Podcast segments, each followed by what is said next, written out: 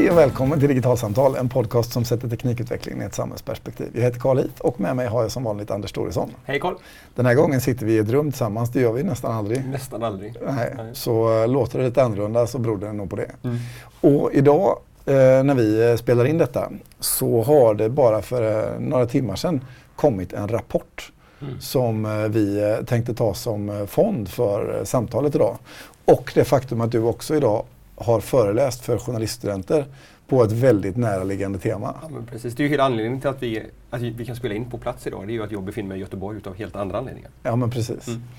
Så rapporten som vi eh, tänkte grunda det här samtalet på, den har eh, MSB, Myndigheten för samhällsskydd och beredskap, eh, kommit ut med idag. Och den heter Mediebranschen 2016, hot, risker och sårbarheter. Precis. Och det jag har gjort i Göteborg är att jag har varit på JMG och i fyra timmar pratat om internetsäkerhet för journalister på deras internationella masterprogram. Så det har varit fyra timmar med föreläsning och eh, workshopinslag om de verktyg och de risker och problem och möjligheter som finns när man använder nätet som, som journalist. Och det är ju någonting som MSB också tar upp som, som en någonting som behöver åtgärdas och jobbas med inom svensk mediebransch.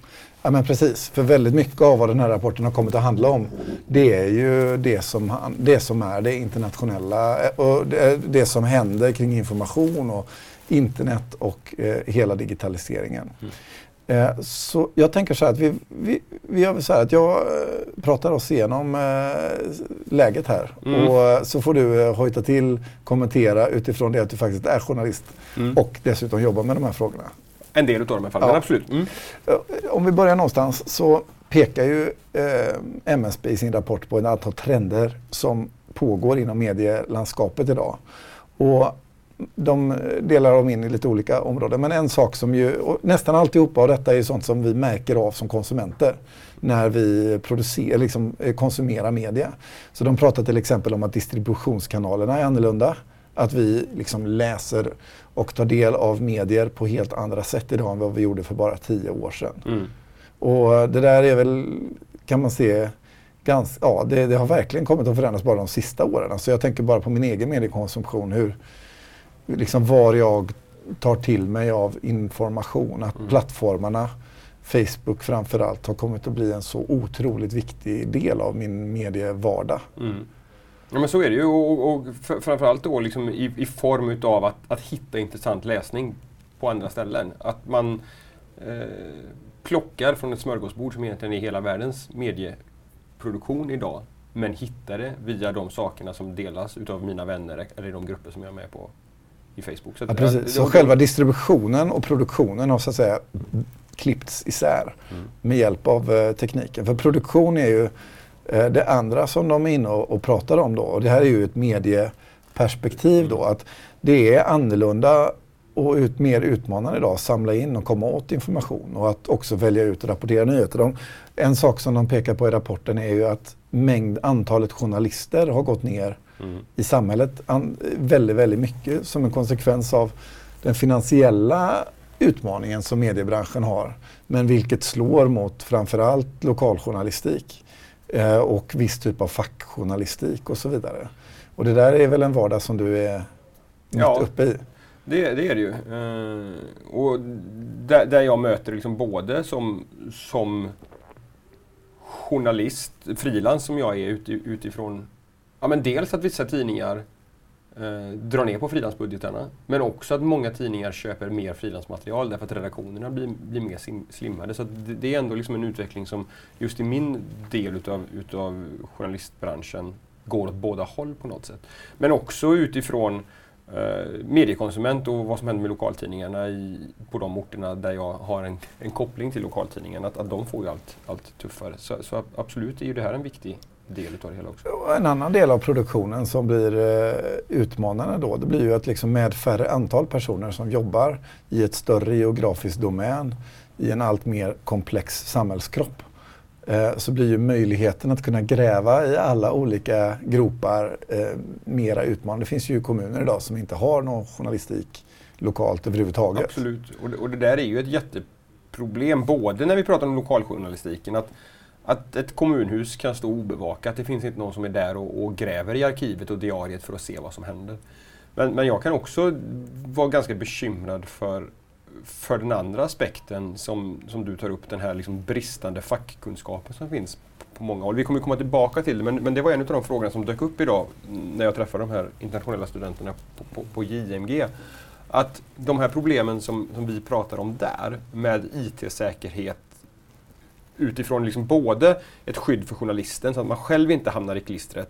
Eh, kanske för att man är i, en, i ett land där liksom, det inte funkar att jobba som journalist på samma sätt som här. Eller att, att man sätter sin, sin källa i skiten därför att man inte använder krypteringsverktyg och så vidare i, i kommunikation med dem. Det, det är ju de två aspekterna. Ja, bara som en sån här enkel sak som uh, jag vet att det har hänt incidenter med, liksom där någon använder sin mobiltelefons kamera för att fota någonting mm. på en liksom, hemlig plats mm. men röjer platsen för att det finns eh, metadataggar inbakade i bilden som talar om var någonstans i världen togs. När den publiceras har man inte rensat bort de taggarna utan då har andra kunnat se dem. Absolut, sådana exempel finns det gott om.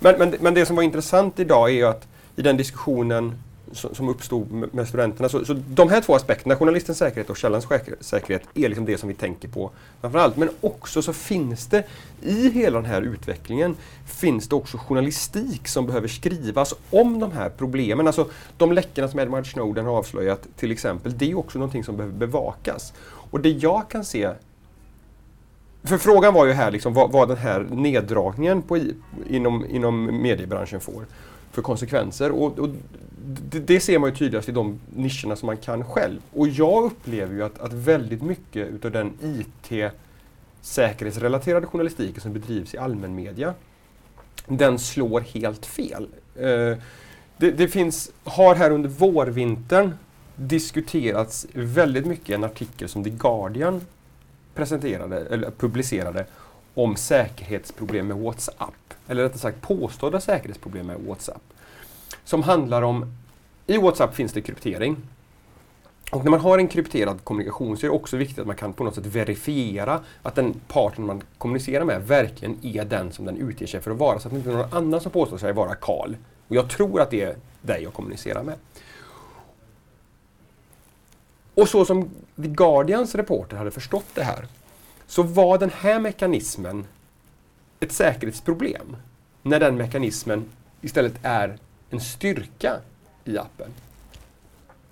Och då finns det ett antal riktigt tunga namnkunniga internationella säkerhetsexperter som, som har gått i taket över den här rapporteringen.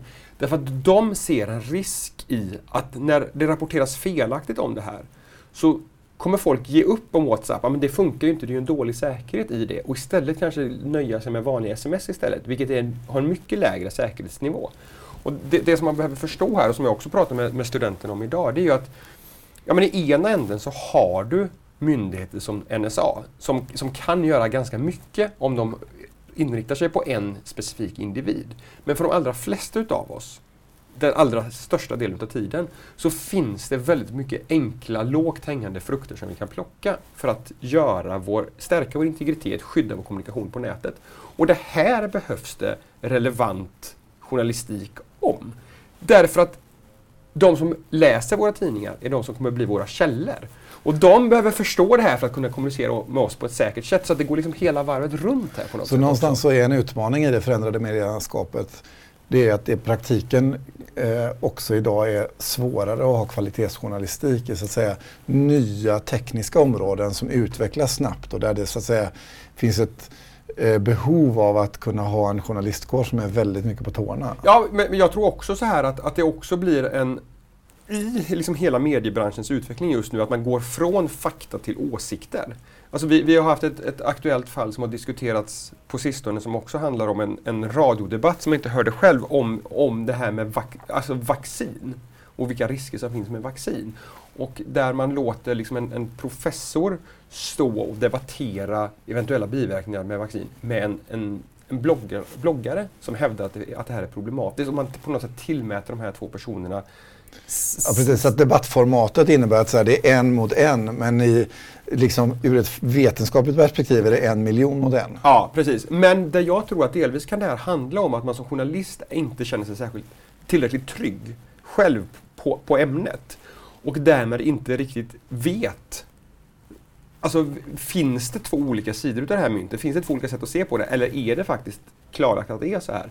Och där är det ett problem, tror jag, att journalisterna blir färre och färre, ska kunna mer och mer. De ska kunna skriva så många olika typer av artiklar. Så att det blir alldeles för lätt att man i en osäkerhet inför ämnet väljer det här att man ska ge låta båda sidor komma till tals. När det inte och, finns två sidor som ska komma till tals i frågan överhuvudtaget. Och, och ett näraliggande område, det är ju, som MSB pekar på i, i, sin rapport, det är ju att antalet hot och trakasserier mot journalister eh, och medier eh, är liksom en stor utmaning mm. Eh, att hantera. Och att det här också kan driva journalistik åt ett eller annat håll. Alltså om man vet om att om jag skriver artiklar i ett visst ämne så kommer jag få äta upp det mm. i form av min egen säkerhet. Och mm. därför väljer jag att inte skriva. Absolut, och det där är ju oerhört problematiskt. Ur ett, liksom både ur ett individperspektiv men framförallt ur ett demokratiperspektiv. Om det är så att man kan eh, genom hur man uppför sig kan, kan se till att vissa delar utav verkligheten blir underbevakad därför att det finns ingen som vill ta sig an de frågorna för man vet att det är för jobbigt att göra det. Så, så, så är det klart att det är ett, ett långsiktigt problem eller till och med ett problem här och nu. Andra trender som de lyfter i rapporten, en, en, ett område det handlar ju om påverkan eh, och hur eh, det digitaliserade medielandskapet förändrar förutsättningarna för påverkan. Mm. Det kan ju vara allt ifrån liksom, eh, inbyggda hot i påverkanskampanjer men, men också eh, liksom en cyberattack som en påverkanskampanj eh, genom att helt enkelt släcka ner någonting eller driva på någonting. Eh, eller rikta uppmärksamheten åt ett helt annat håll. Eh, men det kan också vara rent så säga, eh, påverkan på metadata och liksom en mängd olika områden där liksom möjligheten, som hur man granskar sin värld som journalist blir eh, satt i ett helt annat ljus. För att, ja, lite som du är inne på, kanske måste man kunna så mycket nya och andra saker för att funka i det här sammanhanget. Mm. Uh, jag, jag, jag, jag tänker flera saker där. Och det, det som slår mig allra först är, är den här påverkan i form av de här överbelastningsattackerna som vi såg under, under fjolåret. Där man helt enkelt skickar så mycket internettrafik till en nättidning så att den nättidningen tillfälligt inte blir nåbar. Ja, för det var två stora incidenter förra året. Det var ju dels det här eh, överbelastningsattackerna mot svenska mediehus i mars eh, 2016. Ja. Och sen så var det den här som vi också har berört tidigare i podden, eh, Dyn DNS-attacken i mm. oktober där eh, också eh, faktiskt delar av MSBs eh, egna system eh, slogs ut. Ja, precis. Uh, och där är det ju så att, att de här överbelastningsattackerna, när de blir tillräckligt stora idag, så är de extremt svåra att skydda sig mot. Men, men det man kan göra då är ju att man kan, man kan ju ha liksom enkla backup-system förberedda så att du kan du kan inte driva liksom din, din fullstora webbplats, men du kan någon annanstans, på en annan server någonstans, ha en, en enkel blogg så att du åtminstone kan nå ut med, med viss information. Eller du får ha liksom en etablerad... Alltså vi har Twitter och Facebook och de här stora kanalerna. Alltså, så att man kan nå ut med kommunikation någonstans. Därför att det här mm. informationsvakuumet som uppstår, det är ju det som som jag antar att MSB är, är rädda för. Att, att de informationskanalerna som medborgarna normalt sett får sina nyheter ifrån, när de släcks ner, vet de då vart de ska vända sig för att få nyheter istället. Eh, det är den ena aspekten, men sen finns det en annan, en annan sak som MSB tar upp också. Och de kallar det för Uh, nu ska vi se, det, det, det, finns en rubrik som är ver Verksamhetskritisk information kommer att bli felaktigt ändrad. Uh, och det handlar om, om där någon tar sig in i ett publiceringssystem uh, och ändrar uppgiften i en artikel, alltså förvränger innehållet i de artiklarna. Precis, man kan typ hacka sig in i ett mediehus hemsida och faktiskt ändra på vad nyheten handlar om. Precis. Och, och, här finns det ju liksom, det, det, finns ju mycket som man kan göra. Här. Man, kan, man, man behöver ju givetvis se över säkerheten i de publiceringssystemen som man använder så att det här inte är möjligt att göra.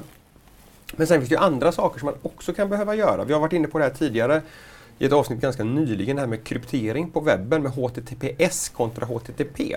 Som, som ju vi som internetanvändare i första hand tänker på ett sätt som att skydda känslig information, nämligen lösenord och kreditkortsuppgifter. Det är ju någonting som vi har lärt oss att ska vi mata in våra kreditkort på nätet så ska det vara en HTTPS-sida så att ingen kan avlyssna trafiken på, på vägen. Men det finns ju också andra skäl till varför den här krypteringen är bra. Därför den är ett sätt att att säkerställa att den sajten som jag är inne på verkligen är den sidan som jag är inne på. Men också att inte vad som kallas för man in the middle-attacker är möjliga att göra. Det, det vill säga att internet, det finns inga direktkopplingar på nätet. Det finns liksom inte en kabel från min dator till aftonbladet.se utan den Så passerar liksom, på många... Är den inte säker hela vägen så kan någon annan liksom presentera sitt innehåll på vägen. som jag inte uppfattar är... Precis. Det, alltså det, det, det, finns möjligheter, det finns verktyg som gör det enkelt att snabbt till exempel byta ut en bild mot en annan bild. Um, men om mediehusen skulle börja kryptera sina webbplatser, inte för att innehållet är hemligt, men därför att man som användare ska kunna vara säker på att det som jag får se är det som är publicerat. Så, så skulle det vara en anledning till att göra. Sen finns det också integritets integritetsmässiga aspekter utav det här som är en av anledningarna till att Wikipedia också är krypterat nu för tiden. Och det är ju att ingen annan som tjuvtittar på min trafik ska kunna se vilka artiklar jag läser, vilket det finns också en integritetsaspekt i. MSB pekar ju på att det är liksom tre primära områden som är liksom gör mediebranschen till en samhällskritisk eh, funktion. De pratar om vikten av medier under krishantering mm. när det händer liksom stora samhällsfaror av olika slag och sådär. Mm. De pratar om vikten av liksom att vara den granskande aktören. Mm. Som granskar, som granskar makten och mm. eh, skapar förutsättningar för oss att kunna ha en liksom, transparent demokrati mm. eh, på ett gott sätt. Och de pekar på ett tredje och det handlar om den generellt upplevda tryggheten i samhället. Där man vet att otrygghet skapar otillit och som kan degenerera samhället i olika avseenden. Och de här tre någonstans menar man på i rapporten liksom utsätts för risker och sårbarheter som en konsekvens av den samtid vi lever i. Och de delar upp de här riskerna och sårbarheterna egentligen i två områden. Mm. De pratar ju dels om riskerna som handlar om liksom branschens egna risker och då har de pratat om saker och ting som vi har varit inne på och berört här under vårt samtal nu som det här med liksom att eh, man blir utsatt för hot eller skada som journalist eller att information blir otillgänglig, att man blir liksom utsatt för attacker av olika slag.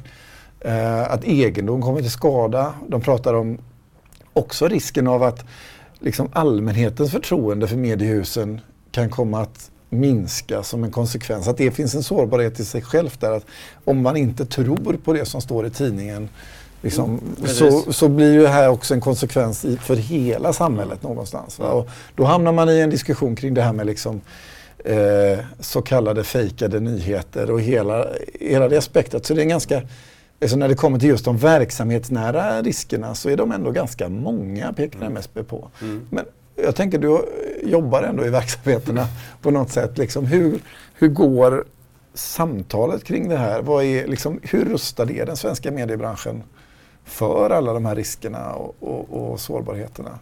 Alltså min, min erfarenhet utav där, jag, jag har varit frilans i 11 år så jag, jag, vet inte hur snacket går inne på, på redaktionerna. Men, men så det, det, jag känner att jag har liksom en, en, uppfattning om det är medvetenheten hos den enskilda journalisten kring de här frågorna. För att de möter jag, jag är ute och, och utbildar på redaktioner i det här med IT-säkerhet för journalister. Jag är på en del konferenser och ser liksom både beteenden och hur det pratas om de här frågorna där. Och här tror jag också att den här sakkunskapen, förståelsen för vad det egentligen är vi pratar om, är ett problem. Därför att jag tror att många journalister har läst om NSA-läckorna eh, och, och eller om desinformation från Ryssland eller ja, men, tusen och en liksom liknande saker. Precis, och, och där vi pratar liksom om fruktansvärt resursstarka och kunniga internationella, internationellt mäktiga myndigheter som kan göra vad som helst med vår IT-infrastruktur. Och till viss del så, så är det ju så, men de flesta svenska journalister kommer aldrig vara en måltavla för NSA. Vi, de flesta svenska journalister håller inte på med den typen av grävjobb där NSA är intresserad av vad, vad det är vi gör. Men om man är grävande journalist på en lokaltidning någonstans i Sverige och, och håller på och gräver i någonting kring, kring um, ett företag som sysslar med dumpning av giftiga kemikalier i skogen någonstans. Så är det ju så att den anställde på det företaget som tipsar mig som journalist tar ju en stor personlig risk också i form av att det blir utfryst kanske i, i Så egentligen vad du säger är att liksom, samma egentligen situationer och problem som finns på så säga, makronivån mellan NSA och liksom, på det globala perspektivet skulle man också kunna hitta i det lokala sammanhanget. Precis, men med den skillnaden att på det lokala sammanhanget, i det mindre sammanhanget, så är det kanske lättare att faktiskt med några lågt hängande frukter, precis som jag sa, göra någonting åt det här. Liksom, ha koll på dina lösenord, ha lös pinkoden aktiverad på din mobiltelefon, lär dig att använda Signal eller WhatsApp för att kunna kommunicera krypterat. Det finns liksom ändå ett antal saker som, som går att göra och det är också de här eh, internationella säkerhetsexperterna ganska frustrerade över liksom det här fokuset som är på de här så kallade zero days med liksom sårbarheter som upptäcktes igår och som utnyttjas idag. Och så vidare. Därför att det, det är inte relevant för de allra flesta internetanvändare. Därför att de här sakerna sitter myndigheterna på och använder för de personerna som de verkligen, verkligen är intresserade utav. Det är ingenting som påverkar gemene man. Men gemene man kan komma väldigt långt med att uppdatera mjukvaran i dina Ja, för att till exempel liksom, har det varit en eh, typ eh, LinkedIn-läcka Ja. så har mina lösenord blivit röjda och det kan vem som helst hitta på nätet eh, med två sekunders eh, Google-sökning. Och, eh, det skulle kunna funka för att komma in i min inkorg också i den lokala journalistiken. Ja, man, precis. Men, men har du koll på dina lösenord, använder lösenordshanterare, har unika lösenord, använder tvåfaktorsautentisering till dina viktigaste tjänster som vi också varit inne på, så, så går det att göra väldigt mycket. Eh, och, och det, eh, för att knyta an till din fråga då, liksom, om, om liksom, hur, hur ser det ut i mediebranschen idag? Jag tror att den kunskapen saknas. Och inte bara, för, inte bara hos journalisterna, för sen, sen måste ju också deras källor ha den här kunskapen. Och, och där tycker jag också att mediehusen i Sverige kan göra väldigt mycket mer för att bli proaktiva.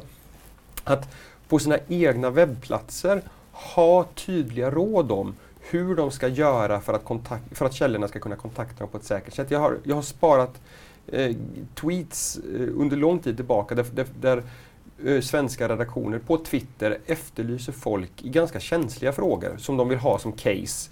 Och då å ena sidan säga att vill du vara anonym i reportaget så får du givetvis vara det. Samtidigt som ber om kontakt via ett vanligt e-postkonto.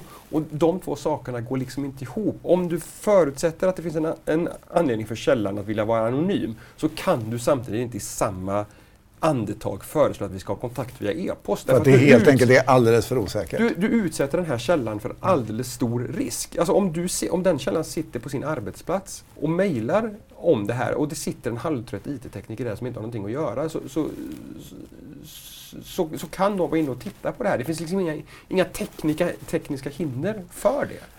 Ett annat område som de då pratar om i rapporten, MSB-rapporten, risker och sårbarheter, det är ju samhällsriskerna som en konsekvens av det du pratar om nu.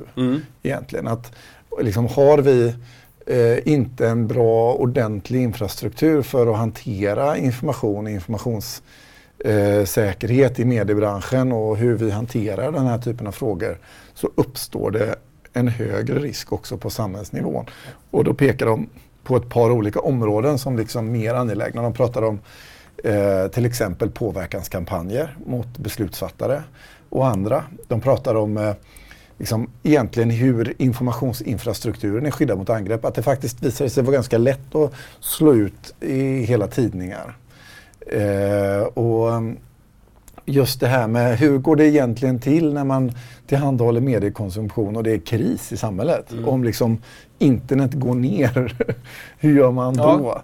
Eh, och, vilket ju inte är orimligt i en liksom, komplex krissituation på något sätt. Då? Och de pratar om ganska liksom, svåra frågor egentligen eh, Mm. i det här så väldigt digitaliserade samhället som vi har. Mm. Eh, I vilken grad liksom, pratar man om det här och liksom resonerar kring det? När du möter journalister eh, och man pratar om liksom den egna säkerheten eller det egna skyddet eller sådär. Eller man pratar om hur gör vi på redaktionen eller så. Liksom.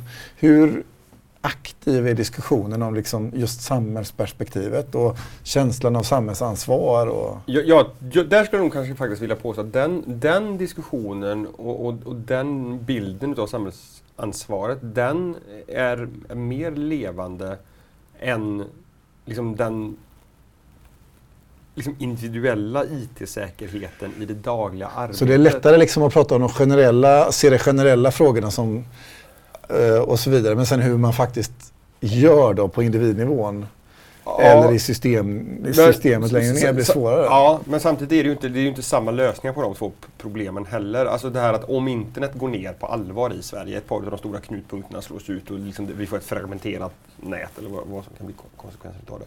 Då är det ju fortfarande liksom radionätet som är det vi har att förlita oss på. Och därför är det också intressant att, att MSB i rapporten tar upp den här eh, sabotaget mot den här eh, masten. Terracommasten. Terracommasten utanför, utanför Borås. Eh, därför, därför, att alltså när internet, om och när internet går ner, då är det ju, då är det ju radio som återstår. Eh, på något sätt. För, för snabb uppdatering om, om vad är Över stora ytor och så vidare. Vad är det egentligen som händer? Um, och, och där är det ju såklart allvarligt att att ett sånt här sabotage, vad jag kan minnas, aldrig fick liksom någon, något svar på vad det var som egentligen hände.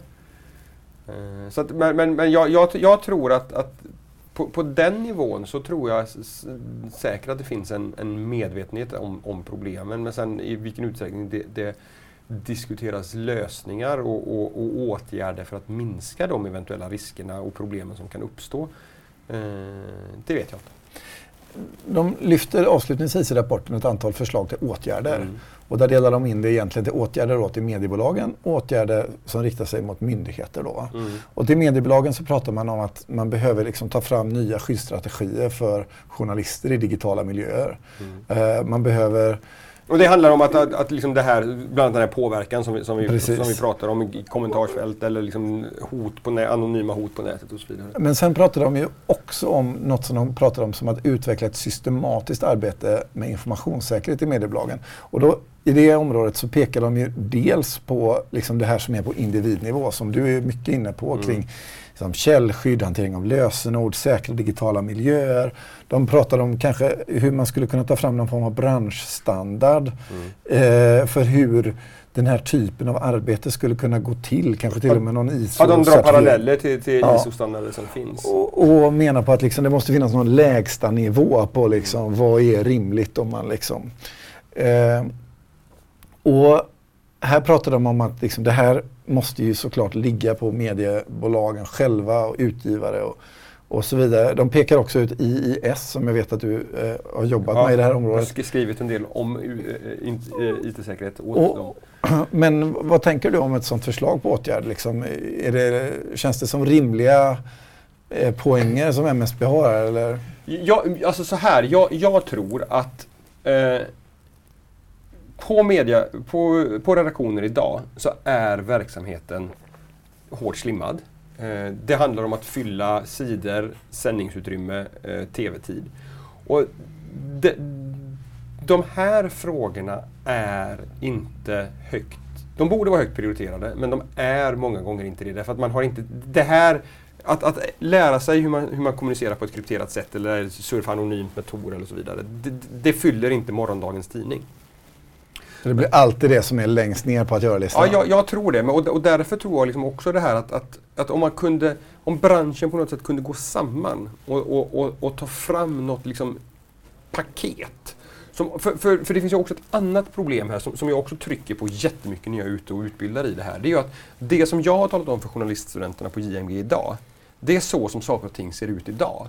Men om de ska göra ett grävjobb om sex månader eller om ett år. Så är det annorlunda. Så kan de inte luta sig tillbaka på det som jag har sagt idag. Utan det som jag framförallt vill att de ska ta med sig efter en sån här dag, det är ju en, en riskmedvetenhet. Jag kan peka på ett antal problem som finns på nätet, jag kan peka på ett antal lösningar som finns idag.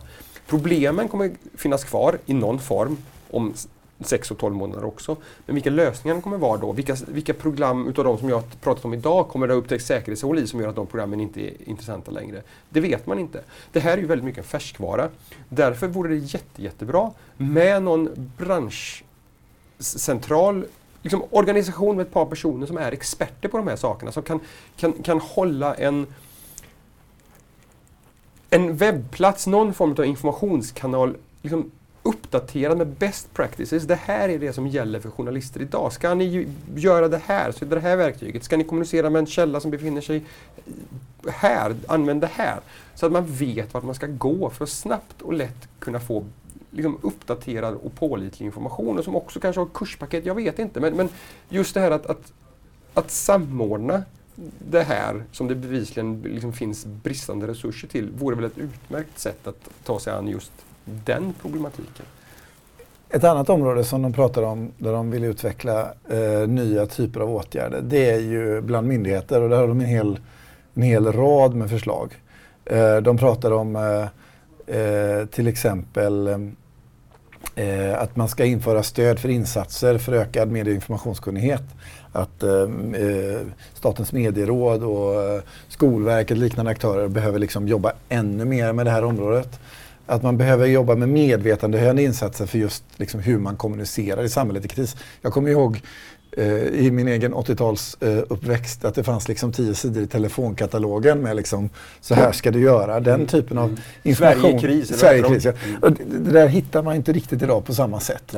Och, hur, och det där pekar de lite grann på eh, kan man väl säga i rapporten. Och, och jag, jag ser paralleller här till, till någonting som vi kommer att prata om i ett kommande avsnitt, nämligen eh, Skolverket liksom, har ju nu offentliggjort hur, hur läroplanen ska förändras, bland annat när det gäller digital kompetens. Och jag ser liksom en klar parallell med liksom, det spåret som MSB tar upp här och det som Skolverket nu är på väg att sjösätta. Absolut, samtidigt som utmaningen är ju som sagt är att Skolverket bara vänder sig till en eh, yngre målgrupp. Absolut. Och vi alla vuxna som ja, ja. Där finns det ju, och där, där, behövs, där pekar de ju också på liksom ett vidare ett vidare behov. Men sen så menar de också på att man behöver bli bättre i samhället på att faktiskt förstå alla de här frågorna generellt sett. Mm. Att det, det, känns lite grann som att när de skrev den här rapporten så hade de svårt att hitta riktigt bra stoff i alla frågor som de kände själva ett behov av att ha. För de pekar till exempel på att de vill kunna liksom bättre förstå hur hur ser det ut med trakasserier och hot i mm. medierna? Mm. Eh, hur ser det ut, liksom, och, så här, vad händer om det blir medieskugga? Mm. Eh, att liksom, faktiskt kunna veta lite mer, att jobba mer med den bakomliggande informationen i det hela. Så generellt sett kan man säga att det känns som att, tycker jag, som att MSB har fångat en fråga som är verkligen angelägen. Eh, men att väldigt mycket av förslagen till åtgärder är verkligen stora utmaningar att, bita tag i. Det här är inte någonting som en enskild aktör någonstans i, i Sverige bara löser. Utan att det handlar om eh, eh, att väldigt många människor behöver göra ett gemensamt arbete i en gemensam riktning. Men så är det ju. Det, och det vet vi hur, hur, lätt det är. Eller hur? Mm. Ja. Men eh, fantastiskt bra får man väl ändå säga ja. att den här frågan lyfts. Ja, eh, för den är angelägen. Mm. Och eh, stämmer till eftertanke mm. eh, kring inte minst när man läser den som mera ur ett medborgerligt perspektiv hur oerhört komplexa de här frågorna faktiskt mm. är. Mm. Så är det. Med det här så tror jag vi rundar av ja. eh, den här eh, lilla poddavsnittet.